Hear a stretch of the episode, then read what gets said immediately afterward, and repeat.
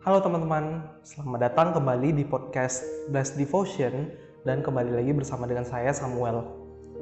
Setiap daripada kita mungkin sering begitu ya berjanji, setiap daripada kita mungkin sering mengucapkan janji gitu satu sama lain. Mungkin setiap daripada kita yang pernah bersekolah, mungkin kita dulu pernah ingat bahwa kita pernah berjanji sama orang tua kita untuk belajar dengan baik. Kita pernah berjanji dengan orang tua kita untuk memperoleh hasil yang baik. Nah, kita yang orang tua, kita mungkin pernah berjanji uh, kepada anak kita ketika dia mendapatkan hasil baik, ketika dia mendapatkan peringkat di kelas, kita pernah berjanji untuk memberikan hadiah begitu kepada dia. Nah, ada juga janji yang dilaksanakan oleh kedua belah pihak begitu. Itu biasanya uh, berada di dalam sebuah pernikahan ketika ada sepasang suami dan sepasang istri, uh, mereka berjanji untuk hidup bersama-sama satu sama lain, melangsungkan hidup satu sama lain sampai maut memisahkan.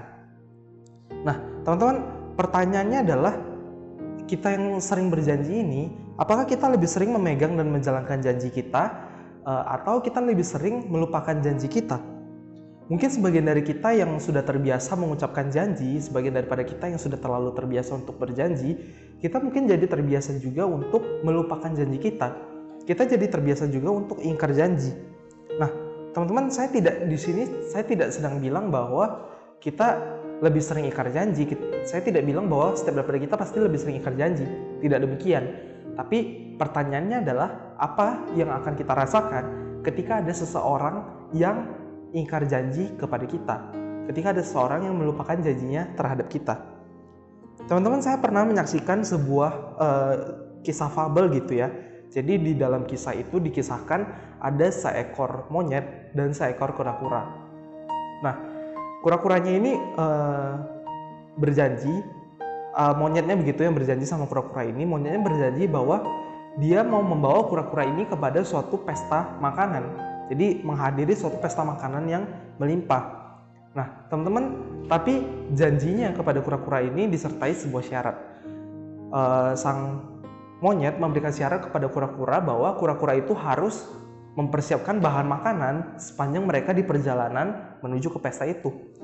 Nah, teman-teman, sepanjang mereka di perjalanan, justru yang terjadi apa? Yang terjadi monyet itu hanya memanfaatkan kura-kura itu. Monyet itu hanya berusaha mau makan dari bekal makanan yang sudah disediakan oleh kura-kura itu, yang sudah dibawa oleh kura-kura itu. Bahkan lebih ironisnya, ketika mereka bertemu dengan seorang pemburu, monyet ini dengan cepatnya meninggalkan kura-kura itu membiarkan kura-kura ini ditangkap oleh pemburu dan monyet ini melupakan janjinya. Teman-teman, meskipun akhir dari cerita fabel ini berakhir dengan baik, berakhir dengan indah karena uh, kura-kura ini berhasil lepas, tapi poin saya adalah kita mungkin akan merasa kesal, kita akan merasa jengkel dengan monyet ini. Poin saya adalah bahwa ternyata monyet ini tidak setia kepada janjinya. Teman-teman, maka ketika kita mendengarkan cerita itu kita mungkin jadi teringat kepada diri kita sendiri. Kita mungkin merasa bahwa oh itu saya tuh itu benar-benar saya. Saya sering ingkar janji sama teman saya. Teman-teman tapi berbeda dengan kita Allah kita bukanlah Allah yang ingkar janji. Hari ini kita bakal belajar kita bakal melihat bahwa ternyata Tuhan itu setia kepada janjinya kepada umatnya. Meskipun umatnya itu sering tidak setia kepada dia saya akan membacakan firman Tuhan dari dua raja-raja uh, pasal yang ke-13 ayat ke-22 sampai yang ke-25. Firman Tuhan berbunyi demikian. Hazael Raja Aram menindas orang Israel sepanjang umur Yoahas. Tetapi Tuhan mengasihani serta menyayangi mereka. Dan ia berpaling kepada mereka oleh karena perjanjiannya kepada Abraham, Ishak dan Yakub. Jadi ia tidak mau memusnahkan mereka dan belum membuang mereka pada waktu itu dari hadapannya Kemudian matilah Hazael Raja Aram. Maka Ben-Hadad anaknya menjadi raja menggantikan dia.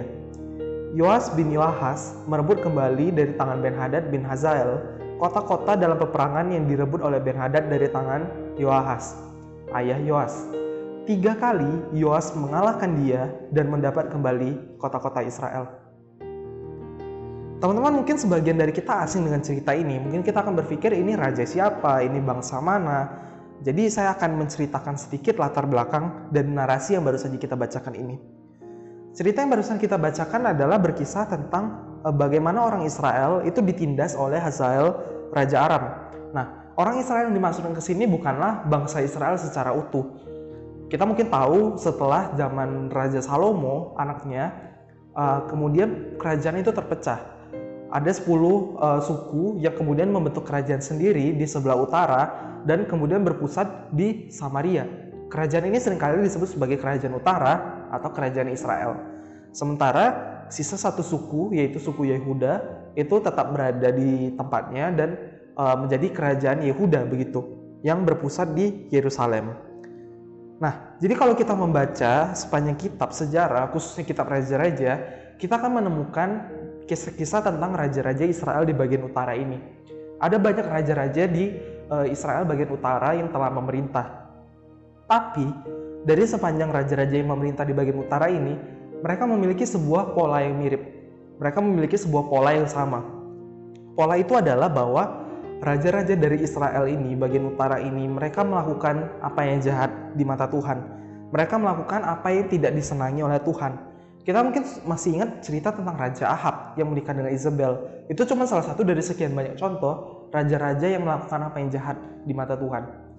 Maka kesimpulannya hanya satu.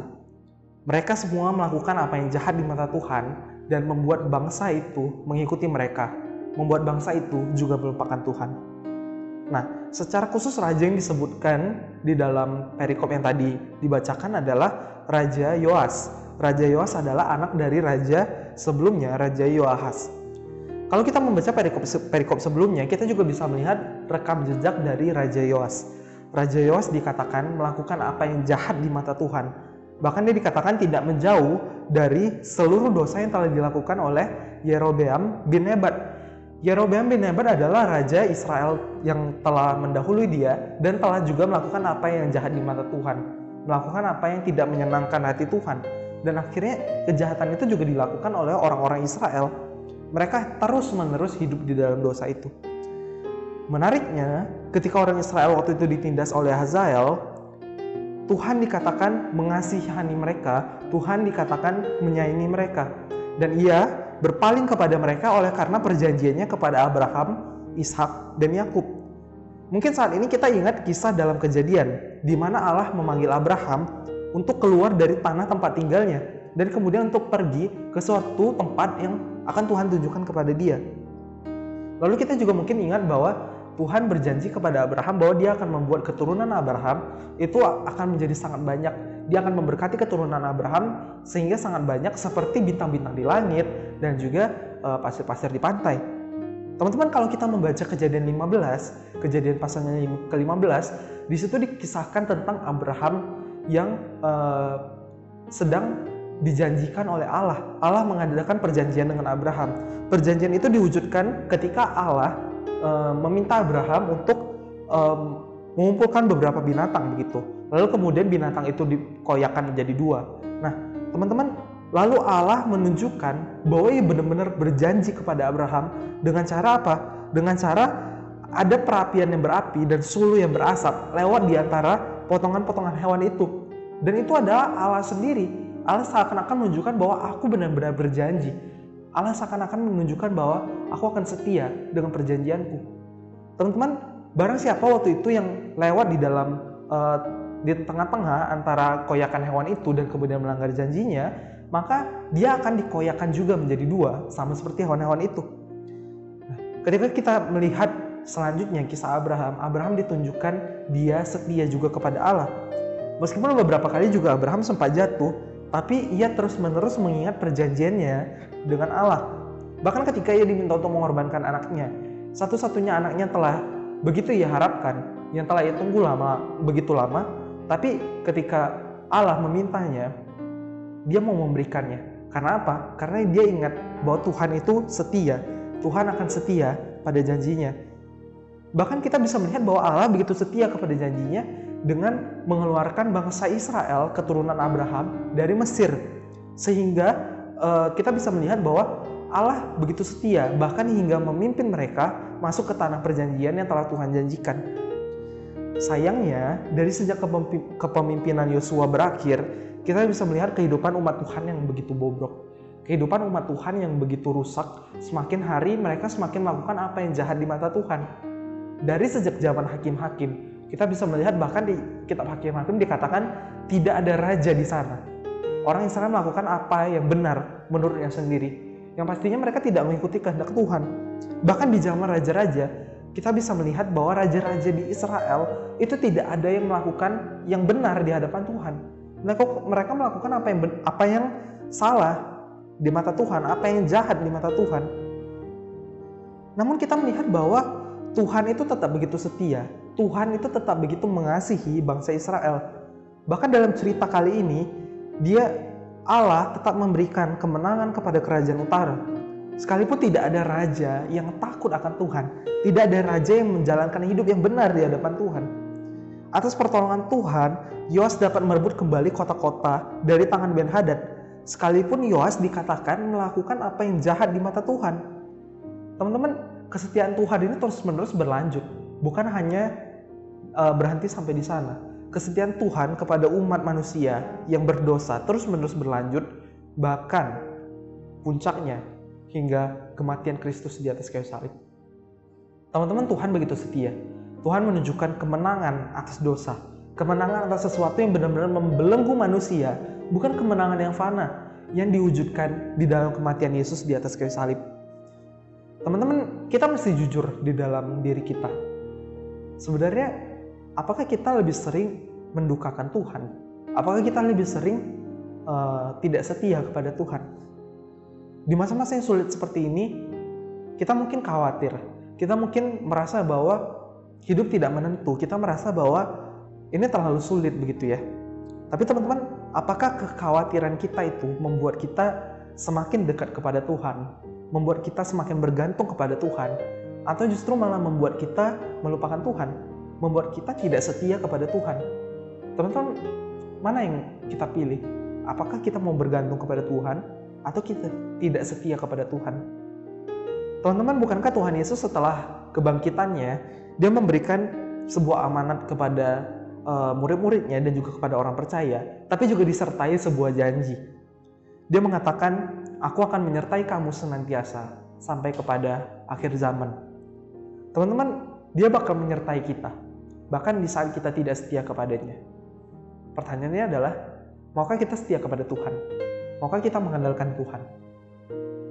Teruslah berharap kepadanya. Tuhan memberkati kita, Solideo Gloria.